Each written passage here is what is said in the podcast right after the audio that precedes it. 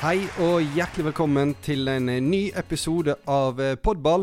Solet den skinner over Ullevål stadion i dag, og det må være lov å si at eh, solet den skinner òg over norsk fotball om dagen.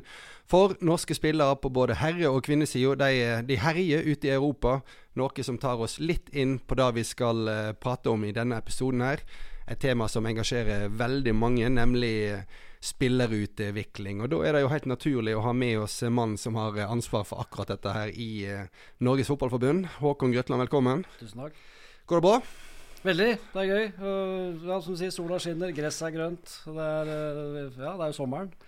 Du, jeg, jeg, jeg, må spørre deg, når du satt hjemme på søndag, eller hvor du satt og så ja, kanskje verdens beste spiss, som tilfeldigvis er, er norsk, løfta Premier League-trofeet etter å ha snytt en annen nordmann for det helt på tampen av eh, sesongen. Eh, hva tanker går eh, gjennom, et, eh, ja, gjennom koppen da? Jeg tror som for veldig mange andre at uh, man blir stolt. Mm. Uh, det er vel ingenting som gjør så mange nordmenn stolte samtidig som når norske fotballspillere gjør det bra. Så det betyr veldig, veldig mye. Og så er det jo litt sånn jeg skal ikke si surrealistisk, men det var vel ingen som så for seg det for bare noen få år siden. At vi skulle få sånne stjerner. Og det er jo, det, en, en, ting er de to gutta, men det er jo mange bak der òg. Altså, vi, vi, har aldri hatt så mange spillere ute i de store ligaene som det vi har nå. Så det har vært en veldig oppblomstring av, av, gode, gode fotballspillere. Ja, for det som du sier, det, det skjer eh, både på herre- og kvinnesida, så er jo det ja, folk som markerer og, og vinner ting. Eh, vi har eh, Markus Holmgren Pedersen vant akkurat ligaen i, ja. i Nederland. Ja. Fredrik Aursnes er i ferd med å vinne, og Schjelderup er i ferd med å vinne ligaen ja. i Portugal. Eh, det er Norm og Ryerson, Tyskland, mm. Dortmund. Altså og vi har jenter som også presterer på aller aller øverste arenaen, så det er eh, ja. Absolutt. Ja. Så det må, må, være gøy å ha din jobb om dagen òg, vil jeg tro. Ja, det er gøy, og, er det, og det gir sjøltillit til hele norsk fotball at dette her kan vi få til, vi òg. Eh, og det, jeg tror det er viktig også med tanke på det å gjøre barn og unge oppriktig interessert og glad i denne sporten. Da. At de har forbilder og helter å, å, å se opp til. Det er sånn som jeg tenker tilbake på meg sjøl når jeg vokste opp. Altså Blant mine lykkeligste barndomsøyeblikk, det var jo når uh, norske landslaget gjorde det bra, eller det var norske fotballspillere som gjorde det bra i utlandet. Uh, så det er viktig også i et sånt rekrutteringsperspektiv.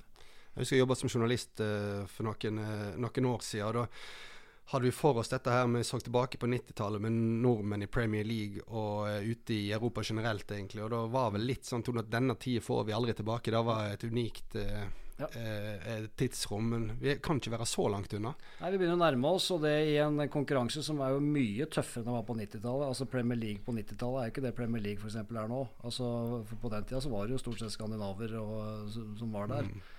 Så, men, eh, så nå så det er en mye tøffere konkurranse, men det begynner å ligne på et eller annet som skjedde på 90-tallet. Vi, vi, har landslag som vi tror på, og vi har spillere som går, som går, foran. Og ikke minst det blomstrer rundt det. Altså, det er, mye å glede seg til uh, framover òg. Jeg tenker jobben din og det du og dine har, eh, har ansvar for uh, For det første må det være veldig spennende, men for det andre det er jo, det er jo stort ansvar òg, For det, som, du, som, du, sier innledningsvis, dette her er noe veldig mange bryr seg om, og noe som engasjerer veldig. Og hvordan en få frem de beste spillerne. Eh, mm. hvordan en skal gjøre det i utviklingen. Mm. Eh, hvordan er det å ha den rollen der og, og, og prøve å liksom stake en kurs for noe som så mange eh, bryr seg om? Nei, Det er et privilegium. Nå har jeg snart hatt den i, i, ti år. Og det har vært en interessant reise eh, fra starten av. Når eh, for det første norsk fotball var på et helt annet sted sånn spillerutviklingsmessig. Vi har jo vært en du-nasjon når det gjelder spillerutvikling. Uh, så det, var liksom For ca. ti år siden Det var starten på noe. Uh, ikke bare i NFF, men også i toppklubb og, og krets osv. osv. Men det har vært en interessant reise. For vi satt Jeg husker jo eh, for ti, altså 9-8-7 år siden så var det jo massiv kritikk mot uh, NFF og hvordan vi jobba, og hva vi burde gjøre istedenfor å gjøre det, osv. osv. Uh, mens nå har det jo snudd litt, og nå syns jeg nesten det er for mye positivt. uh, så vi må passe oss for ikke å bli for høye og mørke òg. Men eh, det har vært en veldig fin reise. Det er, eh, men det er også viktig å si at eh, det, hovedgrunnen til at vi har så mange gode fotballspillere som vi har nå, det er jo ikke Norges Fotballforbund. Det er jo den jobben som gjøres daglig ute i klubba. Det er der, det er der utvikling skjer. Så kan Fotballforbundet være med på å stake ut en kurs og systematisere ting litt osv., men jobben gjøres der ute. Men er det sånn at når, når dere skulle stake ut denne kursen, altså jeg regner med dere satte dere mål om hvor dere skulle være så og så langt fram i tid. Og hvis du ser der vi, vi er nå, hvordan ja, det er, det er, selvfølgelig vanskelig å se for seg at det skal komme med enkeltspillere som en ja.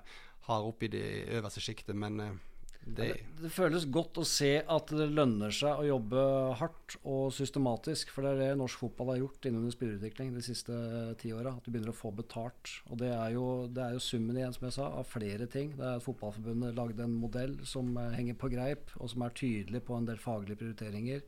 Det er ikke minst akademiklassifiseringa i, i toppklubba. Det er blitt en profesjonalitet der som er altså Nå er det over 200 fulltidsansatte trenere i, som driver med spillerutvikling i norsk toppfotball. Eh, det var så å si ingen for ti år siden.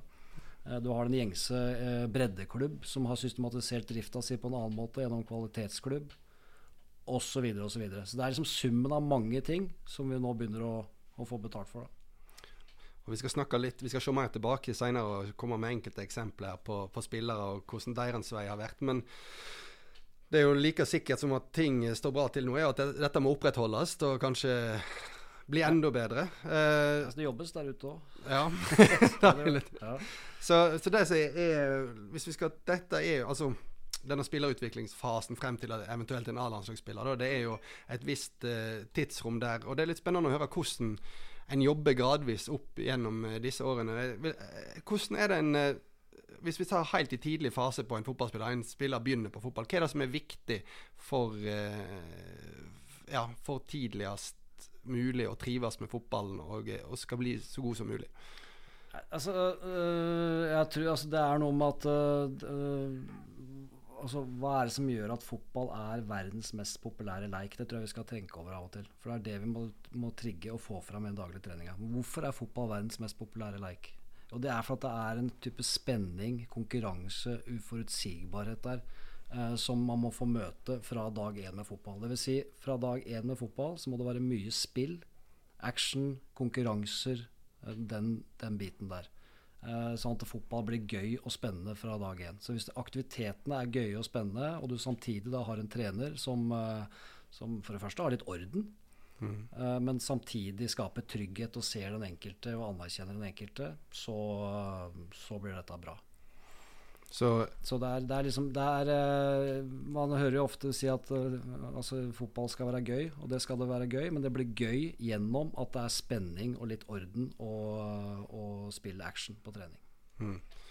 For det er, det er en debatt du veldig ofte hører fra, er jo altså, hvor lenge skal det bare være gøy? Når skal det bli seriøst? Ja. Og, ja det, hvor, lenge, uh, hvor, lenge, bør det vare at uh, Det skal være gøy hele tida. Det, ja. det, er punkt én. Altså I det øyeblikket det slutter å være gøy, uh, så, så, så, stopper også utviklinga. Mm. For det er en forutsetning for utvikling er jo at man er dønn til stede det man holder på med. Og det sikrer man gjennom at ting er spennende og gøy.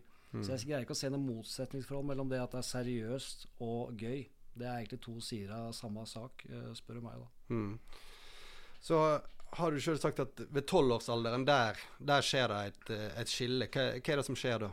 For det første så er det jo da en overgang eh, hvor, man fra syver til nier fotball. Uh, spillerne begynner å bli eldre. Det er litt mer strekk i feltet. Det er noen spillere som, uh, som begynner virkelig å få ambisjoner og har lyst til å teste ut hvor langt man kan nå, mens andre ikke har de ambisjonene. Så på det tidspunktet så føles, virker det naturlig at de som har de største ambisjonene, får et ekstratilbud. Uh, så det, fra tolvårsalder så er det jo, åpnes det opp for uh, ja, forskjellsbehandling, seleksjon for den saks skyld. Da. Altså at vi velger ut uh, spillere som får ta del i, i vår modell. Mm. Jeg er opptatt av at den prosessen der, den må ufarliggjøres? Ja, jeg syns vel at vi skal ikke være så Altså, jeg hører jo at er stakkars uh, barn som uh, ikke får lov til å være med, osv. Mm. Men jeg syns at uh, fotballen og idretten kan ikke frigjøre seg fra egentlig, hva skal jeg si, livets realiteter. Mm. I takt med at man blir eldre, så, så er det ikke alle som får være med på alt. Sånn er livet, og, sånn, og det må man stå i å kunne håndtere. Det er en del av utvikling som ungdom og, og og mennesket i og for seg. Hvor viktig er det at, du, at en kan gjøre disse skillene i den alderen, for, med tanke på et sluttprodukt, at folk får matching på sitt nivå? Altså det, er, det, er, jo avgjørende for å, både for å holde iveren og gløden ved like. At de, man får til, blir trigga og stimulert og får utfordringer tilpassa sine ambisjoner og sine ferdigheter. Mm. Uh, og det er jo en, uh, Hvis vi snakker om det å utvikle topp toppspillere, så er det klart at dette er en global konkurranse hvor vi må begynne. og må, altså du må få mye læring og jevnt og trutt fra relativt tidlig alder for at vi skal kunne henge med de der ute. Uh, så, så sånn sett så starter vi seinere enn de fleste andre nasjoner mm. Eh, når det gjelder litt den der eh, spissinga. Men vi har tro på at heller en brei tilnærming til spillerutvikling fram til tolvårsalder. At alle skal liksom bli sett og ha god trening og gode aktiviteter. Og så begynner vi å forskjellsbehandle litt i større grad fra tolvårsalder.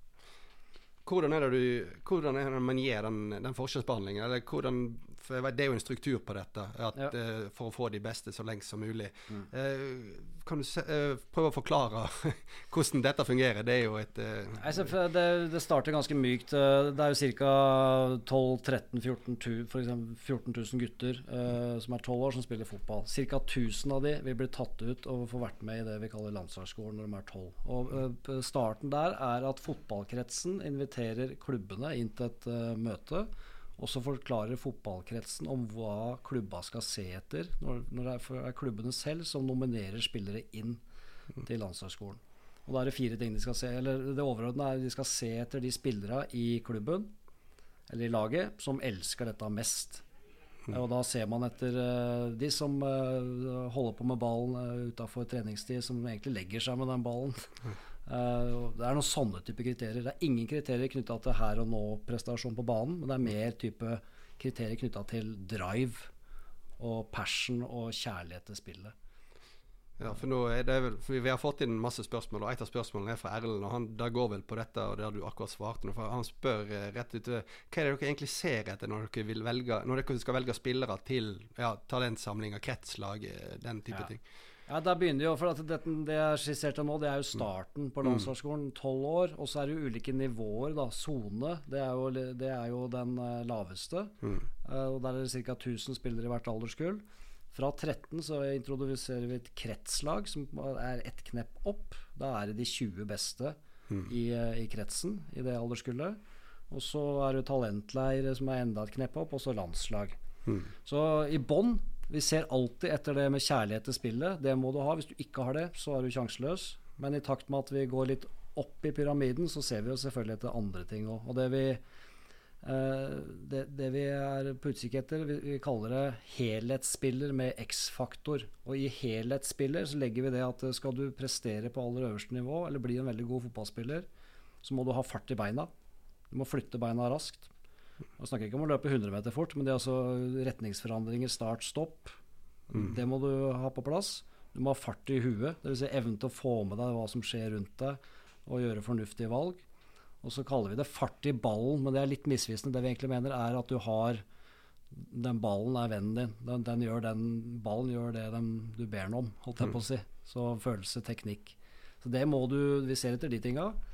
Uh, og oppå det, når vi begynner å så Det må du ha i bånn. Og oppå det igjen så er det egentlig Eller det er ikke egentlig. Det er, det er spisskompetanse, X-faktor. Hva har du som er spesielt for deg? Er det noe du er ekstra god på? Mm. Så det er veldig kort fortalt Det er en tredeling i bånn. Kjærlighet til spillet. Og så er det fart i huet, fart i beina, fart i ball. Og så til slutt spisskompetanse. Og så veit jeg, at, og da har du sagt flere ganger, at det er helt umulig å se hvem som blir best i, en så, eh, i, den tidligste, i den tidligste fasen. Ja. Eh, hvordan er det da en jobber? Altså, hvordan jobber en for å liksom ha en best mulig oversikt over hvem som skal bli gode til slutt? Bare ta det først, da. For det, det, snakkes jo ofte mye om hvem blir best til slutt. Uh, for å være helt dønn ærlig, jeg er ikke så opptatt av det. Uh, hvis, uh, hvis, jeg skal møte på jobb hver dag og, og, jobbe etter å prøve å finne noen som skal bli best om ti år, det er noe litt sånn fattig ved det. Altså, så jeg er mye mer opptatt vi, vi flest mulig på ulike nivåer skal ha gode her og nå-opplevelser med fotball. Mm. Og så er det ingen av oss som veit hva morgendagen bringer. Så vi kan ikke la det drive oss hele veien. Det å bare utvikle enere. Uh, det, det, er helt fint. For de fleste så er det jo sånn at de spiller, er med på i landslagsskolen, og så stopper det til slutt. Mm. Det slutter kanskje med fotball etter hvert, og det blir faktisk ikke proffer. Men det betyr ikke at det er mislykka. De har hatt en fin reise, de har gjort seg fine erfaringer, hatt lykkelige øyeblikk. Uh, som de tar med seg resten av livet. Så det er en suksess i seg sjøl, hvis, uh, hvis, man bare har gode her og nå-opplevelser. Jeg husker ikke spørsmålet ditt. Men det, var, ja, nei, det, var, nei, det gikk jo på dette her, og, altså hvordan en, hvordan en egentlig jobber for å ha en best mulig hva skal jeg si, eh, aning om hvem som blir best til uh, ja. til slutt, da. Men, ja, men, det, det, det, er jo, det, er jo, gjennom den modellen vår, som er for det første veldig brei. Altså mm. Det er 1000 av 14 000, men så er det jo uli, altså det, snevres inn uh, til, til uh, oppover i systemet. Men, uh, men, så er det jo viktig da, at det er åpning hele veien for å teste på nytt, se nye. Det er ikke noe sånn at med en gang du har kommet inn i dette, her, så er du der for alltid. Eller hvis du mm. ikke har kommet inn, så kommer du aldri inn. Her gjør vi jo nye vurderinger og sjekker jevnt og trutt. Eh, for å fange opp eh, det vi bør fange opp. Eh, men jeg er ganske trygg på at vi gjennom den modellen greier å fange opp til syvende og sist det vi skal fange opp. Da. Mm. ja. Ja, for Det har kommet inn en del spørsmål om akkurat det du er inne på der. For enkelte blir ikke plukka ut til f.eks. kretslag og den type Nei. ting, men kan ha en voldsom utvikling etter det uttaket, f.eks. Eh, hvordan er, blir de da eventuelt fanga opp i, i ettertid?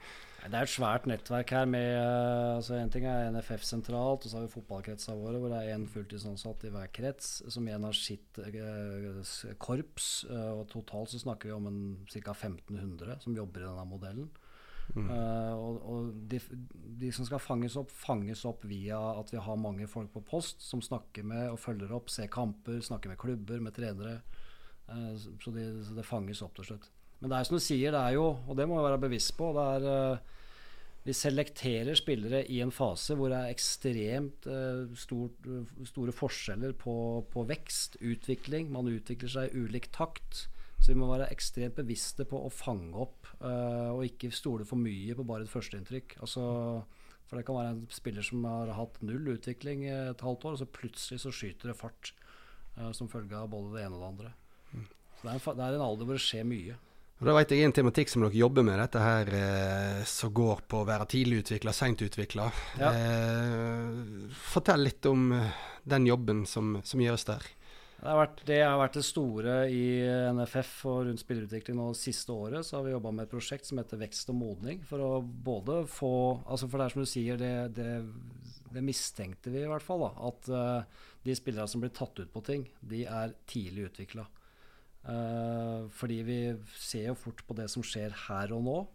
Og når man ser, på det her og nå, så er det jo de som har, er tidligst utviklinga, som har best forutsetninger for å være gode her og nå. Uh, så mis, vi mistenkte at vi, vi, gjorde det, at vi tok ut tidlig utvikla spillere. Uh, og det er vel mye som tyder på at det gjør vi. Nå når vi har jobba et år og, og forska på egen modell. Uh, så nå blir jo neste å sette i gang noe tiltak for det her. Vi kan, vi kan, ikke leve med det lenger at vi, vi bare har spillere som er tidlig utvikla i vår spillerutviklingsmodell. Vi må fange opp spillere som er seint utvikla, som på sikt har like stort potensial til å kunne bli veldig veldig gode. Så jeg, jeg, vet ikke hvor mye, for Det er liksom heller en slags teaser til kanskje neste podball. For dette her, eh, Det er jo en som heter Thomas Brandsæter som har gjort en fantastisk jobb med det her. Som kan gå mye mer i detalj på hva man har funnet ut, og hvordan man skal gjøre det. Men jeg kan si, si, så mye som at allerede om en måned eh, på Talentlæren i Porsgrunn så introduserer vi de første grepa rundt det her. da. Mm. Og det Stikkordet er jo Future Teams. Mm. Um, som jo er egne lag for seint utvikla spillere. Så uh, nå skal ikke Jeg vet at dette skal lanseres snart, så jeg skal ikke spørre for masse. Men det, er et grep da egentlig for å få hva skal jeg fange opp flere spillere, rett og slett? Ja, fange opp spillere som har vel så gode på sikt forutsetninger for å bli veldig gode, men de, de, de, de skinner ikke her og nå fordi at de er seinere utvikla. Og de må få muligheten til å skinne. Og hvis de skal få muligheten til å skinne, så må de møte spillere som er på samme fysiske nivå som dem sjøl. Da får de skinne. Uh, så det kan jo være opptil seks års forskjell i den aldersgruppa her, sånn rent sånn uh, fysiologisk. Så vi er nødt til å gjøre noe, det gjør vi. Uh, og jeg tror dette, og det er starten på noe. Dette kommer til å bli den store faglige greia i norsk fotball og spillutvikling de neste fire-fem åra. Det er vekst og modning, og det å behandle folk ulikt i takt med hvordan man utvikler seg. Jeg har lyst til å spørre og grave mer, men jeg skal, jeg skal uh, la det ligge. Så får vi heller ta det opp, ta det opp i en uh, annen episode. For ja. det er jo utvilsomt ekstremt spennende, det du nevner der. Og så, er det veldig masse eh, debatt om hva er det som er best for en tidlig eh, fotballspiller. Er det å fokusere helt og holden på, på, fotballen, eller er det å drive med flere forskjellige, eh, forskjellige ting? Og Her vet jeg at, er, at eh, du og teamet ditt har, har, eh, har meninger rundt, for å si det sånn.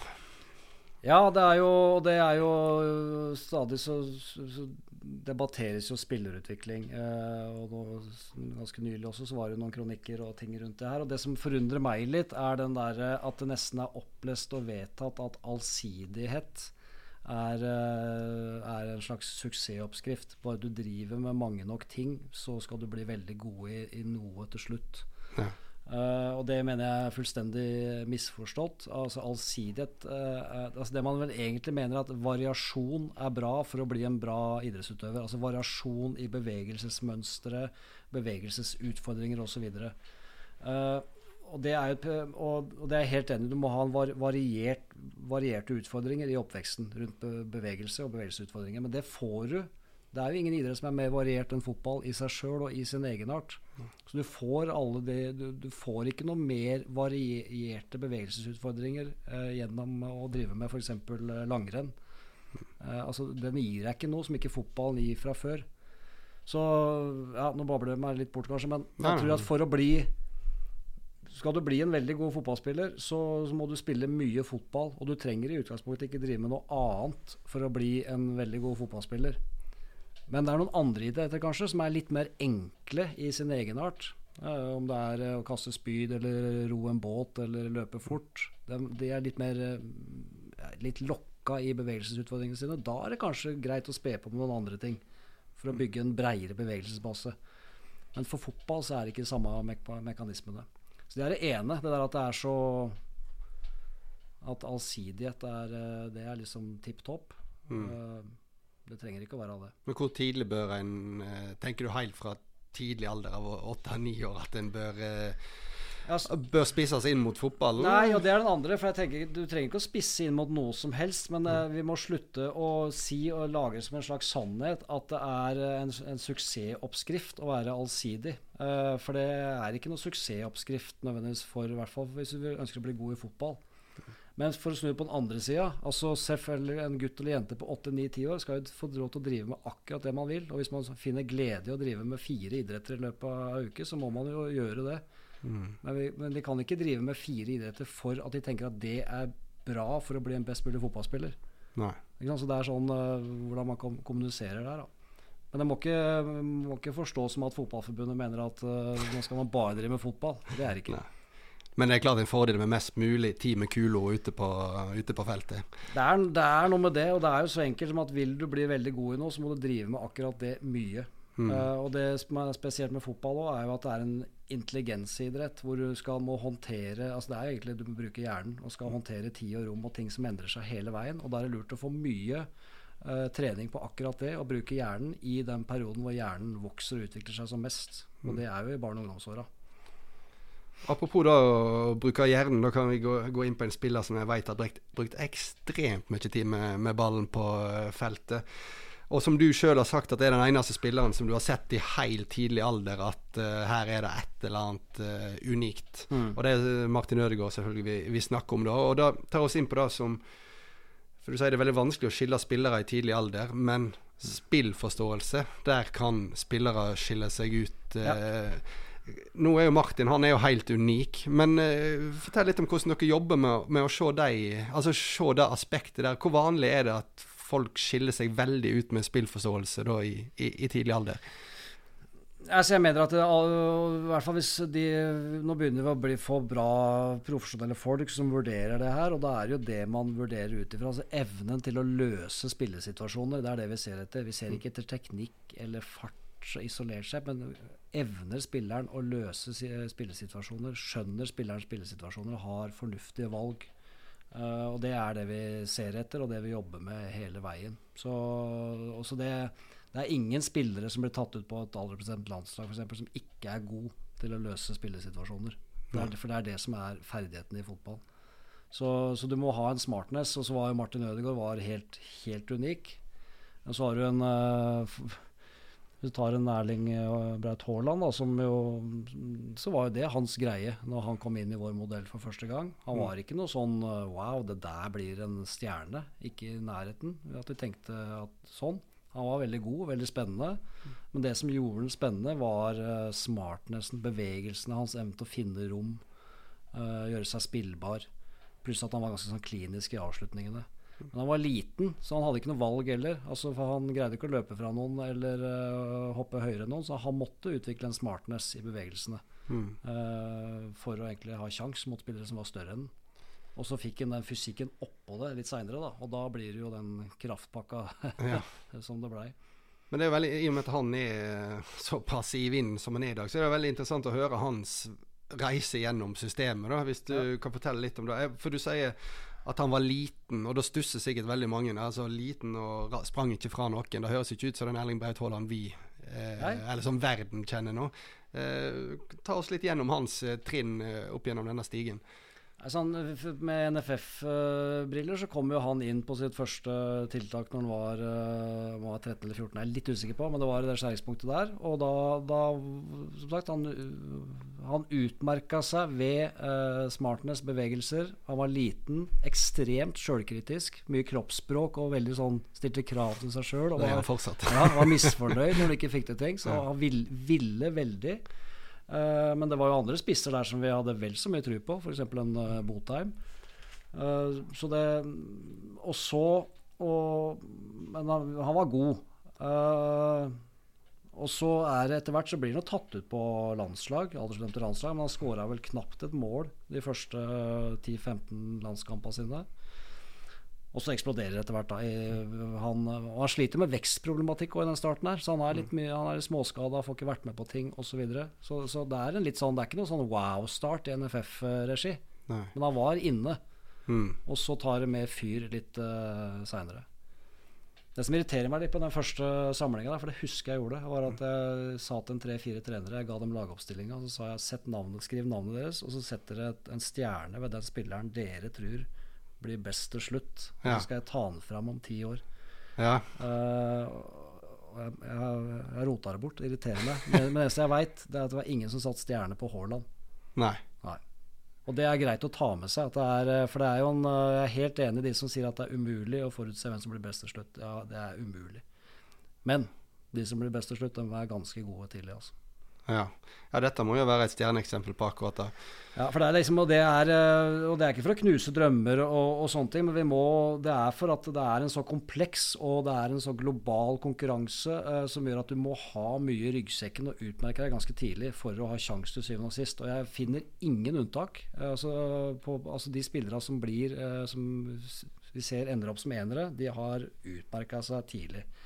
Til og med Stig Inge Bjørneby, for det også er en sånn eh, greie som uh, har blitt en sånn uh, at han var helt hjelpeløs og nesten fram til han var 16 og satt på benken, og, og så plutselig noen år etterpå så var han i Liverpool. Det var ikke sånn? Det var ikke, ikke sånn, men så for, altså, ja, Han satt på benken på turnering i Elverum, men det, det kan ha vært andre årsaker. Han, eh, og han spilte på han spilte, Stig Inge Bjørneby spilte aldersbestemte landskapet for Norge når han var 16 år. Så Bare så det er uh, sagt. Så er, vi skal ikke, jeg syns vi skal legge den, eh, den casen der litt død når det gjelder å bruke han som en argument for at uh, nesten hvem som helst kan bli gode til slutt. Det virker som det nesten irriterte deg litt. Nei, jeg er veldig glad i Stig Inge. Og han, det var han som ga meg jobben. Oi, ja, det var det. Ja, Så han er veldig glad Ja, Ja, ja, ja. Nei, men det, er veldig interessant eh, å høre disse konkrete eksemplene dine. En annen mann, jeg vet, det er jo eh, Altså, jeg husker ikke hva årstall det var, men 2018 eller 2019, da var jeg med G19-landslaget til Finland og spilte, eh, spilte Jeg spilte ikke, men jeg var med i medieteamet. Ja, ja, ja. Og eh, der, dette var jo da laget med Jeg spilte EM, og dette var jo da laget med, med da Erling og da Jens Petter Hauge og eh, Leo Østegård, som er mannen jeg skal komme inn på her. For da husker jeg jeg satt og så han i de kampene der og tenkte bare Helsike, for en fysikk, og for en spenst, tenkte jeg den, den Mm. spilleren her. har. Og, eh, altså Med sånne ekstremferdigheter som Lada, hvor tidlig eh, la dere merke til, eh, til han som en, en, stopperfigur, f.eks.? Jeg har lært litt av den uh, casen der, og det er vel ja, Jeg vil si kanskje det er den jeg er mest stolt av sånn, sånn faglig sett på egne vegne. Og, og spot, måte.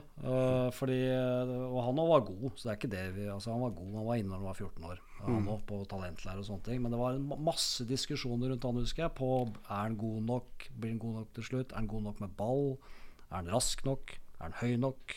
Ikke sant? Ja.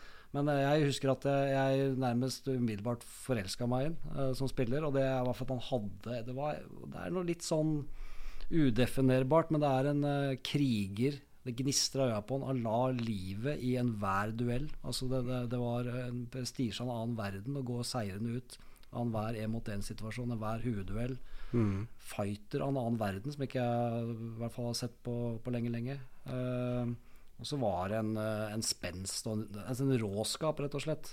Ja. Som, uh, som, vi så der, og som bare har vedvart, og som har gjort at han har blitt så god som han har blitt. da mm. så, Men da går det jo mer på sant, at man må se etter ulike ting hos ulike spillere. En stopper må jo ha litt andre egenskaper enn f.eks. Mm. en, eh, en uh, midtbanespiller. Mm. Så, men i den stopperrollen så hadde han noen ting tidlig som, uh, som viste seg at det er, det, er jo det som Det er en annen ting som folk gjerne må ta med seg. Altså Det du er god på tidlig, det er det som fører deg til topps til slutt. Så det er viktig å liksom, dyrke det du er god på, da bare videreutvikle det.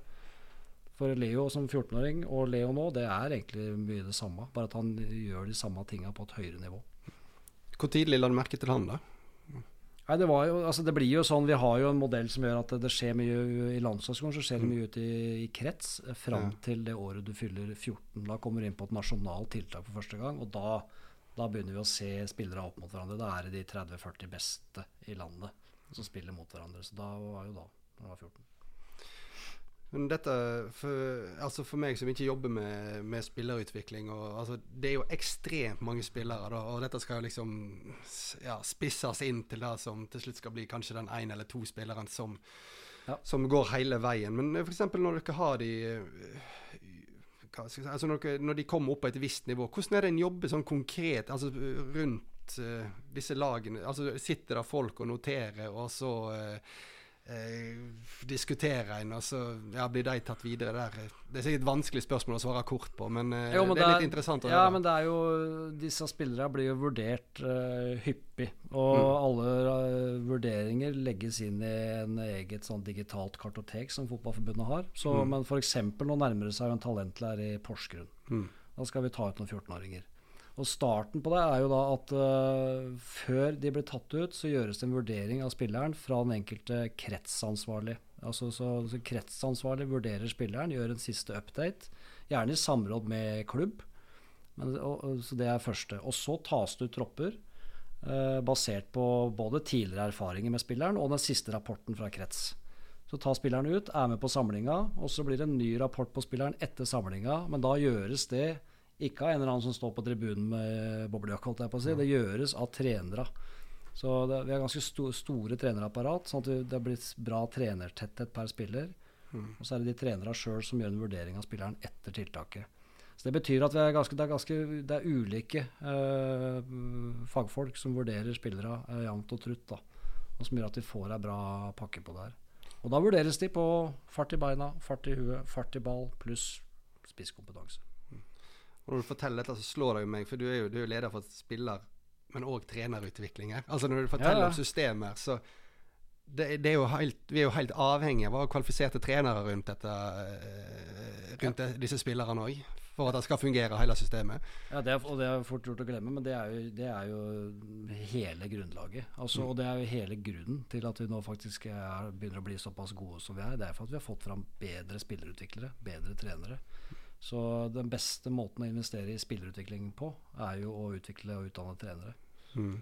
Så, så, så, det å det er, vi er fortsatt en ganske ung spillerutviklingsnasjon. Det, det, er greit å tenke over. Det, men jeg tror jo 1990-tallet 1990 var jo liksom eh, revolusjon rundt eh, spillestil. Det, det, var i spillestilens tegn. 2000-tallet, anleggsutvikling. Nå er vi midt inne i en revolusjon som handler om uh, spillerutvikling. Når vi ser tilbake på den tida vi er inne nå, om 50 år, så vil folk si at det, dette handla om spillerutvikling. At Norge tok steg som spillerutviklingsnasjon. Hvis du skal sammenligne med andre europeiske nasjoner altså, eh, Jeg vet ikke om en kan måle det på noe vis, men hvor, hvor ligger en sånn nivåmessig? Vi er ikke i nærheten når det gjelder ressurser. Nei. Ikke i nærheten. Uh, og det bekymrer meg ikke så mye, egentlig. For jeg tenker at det ligger noen veldige muligheter der gjennom at vi må være råe på både for det første prioritere. Vi kan ikke drive med alt mulig. Vi har ikke masse penger, så vi må bruke tida på det vi har mest tro på. Og det er kompetanse, gode trenere, og at vi har gode treninger. Det er jo ikke noe mer hokus pokus enn det, egentlig. Uh, så jeg tror sånn kompetansemessig, og den, det, det, som skjer på feltet med spillerne våre, så er vi konkurransedyktige. Uh, men det kan være en del sånn staffasje rundt anlegg, fasiliteter og sånn, hvor vi ikke er i, i nærheten. Ja. Vi begynte jo podkasten her med å, å, eh, snakke om ti år tilbake i tid, hvis en hadde visst det en visste noe om enkeltspillere. og sånn. Men eh, hvis vi tar ti år fram i tid, da. Eh, det er veldig fristende for meg å spørre ja, noen, er det noen nye spillere som kommer ja. som ser ekstremt lovende ut. Eh, Sånn, så, sånn, som du ser det? Du skal slippe å legge presset på enkeltspillere, men ja, det skal, Jeg skal ikke si navn, men, det, men det, det, er klart at det, det, ser veldig veldig lovende ut. Og det er noen virkelig eh, Ja, det er mye å glede seg til. Det er, det er ikke noe tvil om. Ja. Uh, og så se ti år fram i tid, ja, da, spiller, da, har vi jo et landslag som, uh, som har vært i mesterskap. Mm. Hvis vi snakker om herresida nå, da. Damene mm. er jo gode og kommer til å fortsette forholdsvis å er gode. Ja. Men uh, da har vi hatt, fått mesterskapserfaring. Vi, vi, vi har utvikla flere enere som har generert mer penger inn i hele norsk fotball, sånn at vi kan bruke enda mer ressurser, både i bredde og topp, til å utvikle fotballspillere. Så, så jeg tror vi er en mye, mye mer profesjonell og rikere spillerutviklingsnasjon. Som, og vi har blitt rikere i takt med at vi har prestert på toppen. Mm. Er det sånn at nå, når en først har kommet der at uh, vi har fått en del spillere opp på et sånn visst nivå, og lag opp på et sånn visst nivå som at når vi nå tar oss til mesterskap, at da da velter det liksom over til at uh, ting vil gå litt lettere, for å si det sånn.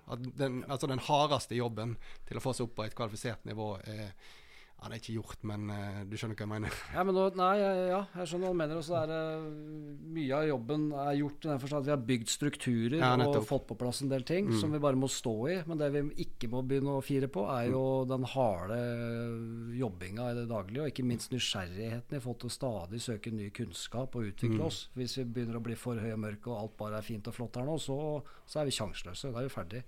Og det er jo litt den uh, fella man gikk i på 90-tallet. At man ble for stolt av det man drev på med. Og, og, litt for sånn eh, Det er bare vi som har skjønt det. Uh, og da får man seg en på, på trynet til slutt. Apropos da å ikke uh, stoppe opp og bli passert. Uh, det tar oss over til noe annet. For det har skjedd ting på spillerutvikling på, på jentesida òg. Dere har tatt grep der òg.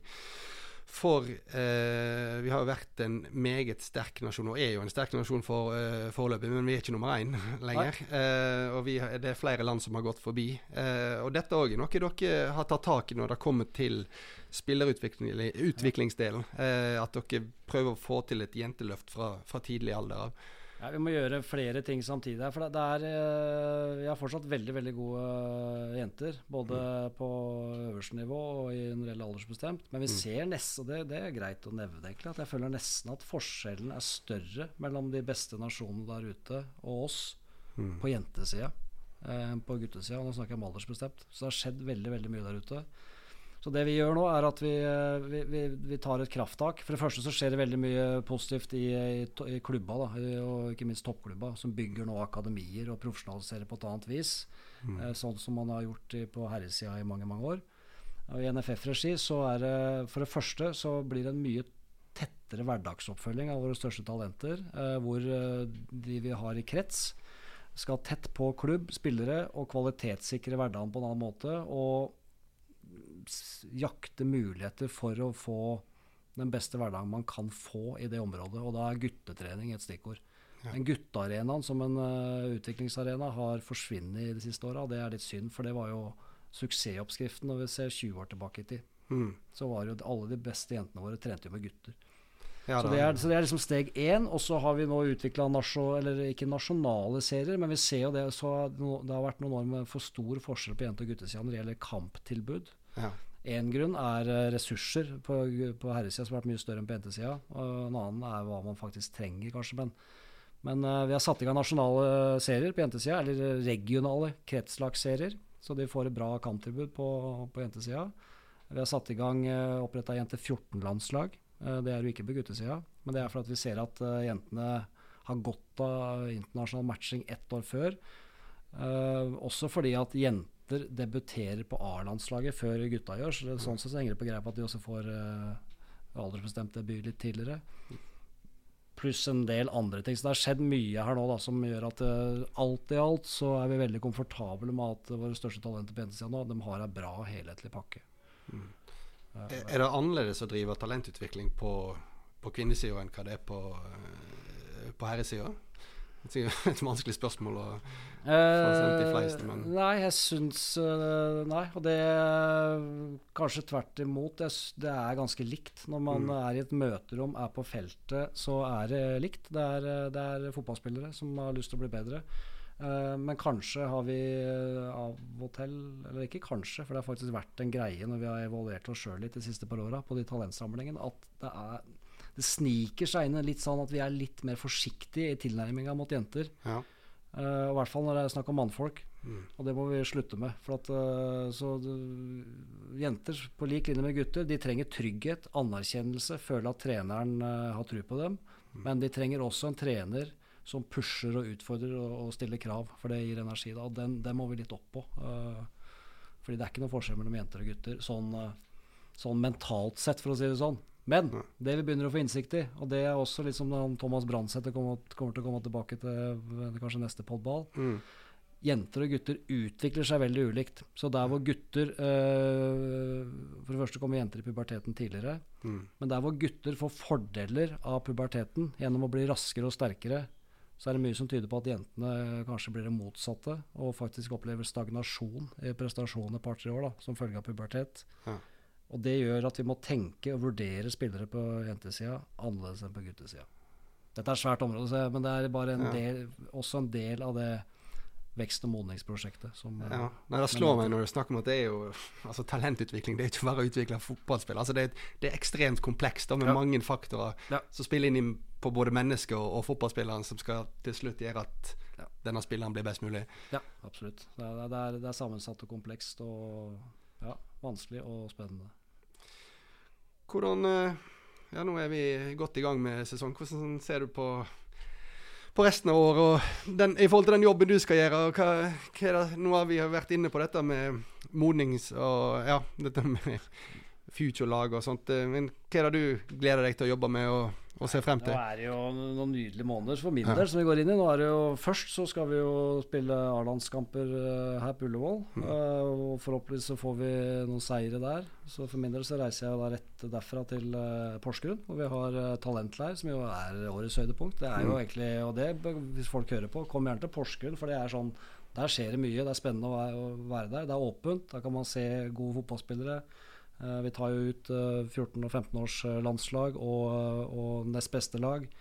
Det er et møteplass for hele norsk spillerutvikling, er Porsgrunn hver sommer. Så det, det oppfordrer jeg alle, både, i hvert fall hvis det er trenere som hører på, ta dere en tur dit og se, se hvor lista ligger. Mm. Og så er det jo etter det så er det jo mesterskap med, ja, med både 19 og U21 og ja. Ja, må, vi må jo si noe om det. For vi, har, det et, vi, går inn i en sommer der vi har ja, som du sier, vi har G19 eh, i mesterskap, mesterskapet og vi har eh, U21 i mesterskap. Og det er ganske lenge siden sist vi har hatt U21 i, i mesterskapet. Hva sier det deg at vi nå kvaller inn med, med, med, disse lagene? Nei, men det, det, sier meg at vi begynner å bli gode, og at vi har spillere som men, men sjøltillit som vi ikke hadde før. Altså de, disse, nå snakker vi om gutta. De har vent seg til fra tidlig alder til å være konkurransedyktige med hvem som helst og kunne slå hvem som helst. Og det viser jo kvaliken nå, at de, ja. vi, vi, henger med. Det, er, eh, vi, så det eneste som skuffa meg, er jo at ikke vi fikk inn eh, G17 nå. For det har vært, stått som et veldig, veldig spennende kull. Men det, det var ekstremt med stang ut i den kvaliken, så, som gjorde at de ikke kvala. Da, for da hadde vi hatt hele rekka. Det burde vi egentlig hatt. Og da, da kunne vi liksom ha kvittert ut at nå er vi i hvert fall on track på der vi skal være. Uh, vi er med i mesterskap. Og Det er så viktig å være med i mesterskap òg. For det første så er det jo en uh, læringsarena for spillere. Mm. Men det er også en uvurderlig sånn utstillingsvindu. Så ser at Markedsverdien på de spillere som er med i mesterskap, den, den stiger jo i været etterpå. Ja. Så det er en mulighet for at spillere kan komme seg ut, og det er en mulighet for at uh, vi kan få mer penger inn i norsk fotball. Og jeg, eh, Vi snakket om tidligere dette laget med Erling eh, og med Leo, med Jens Petter Hauge og ja, veldig mange Hugo Vettelsen. Og, ja. Altså, de spilte jo to mesterskap på rad, i hvert fall med en, et VM og et EM. Hva tror du det har å si når de tar steget opp på på, på A-landslagsnivå, og vi kjemper om drømmen om å, å delta i et uh, første mesterskap der siden 2000. Ja, men Det er noe med å kjenne på hvor lista ligger, og derfor så er landskamper sånn eh, generelt så viktig da, for spillere i utvikling. Men ikke minst mesterskap, for du får en sånn reality check på mm. hvor st står jeg i forhold til de beste der ute. Og så får man kanskje noen veldig sånn positive bekreftelser og sjøltillitsbooster på at oi, her er jeg faktisk jeg henger med eller er bedre. Mm. Og så er det andre ting som Oi, dette må jeg faktisk justere for å henge med i konkurransen her. Så det er egentlig en referansearena, først og fremst, som er uvurderlig for spillerutvikling. Skal vi eh, konkludere med at uh, fremtiden ser lys ut? Fremtiden ser lys ut. Ja. Det gjør det. Da tror jeg vi setter strek for, uh, for i dag. Tusen takk for at du kom, Håkon. Takk selv. Så eh, sier vi takk til alle dere som eh, hørte på, og så er vi tilbake med en ny episode av Podball om ikke altfor lenge.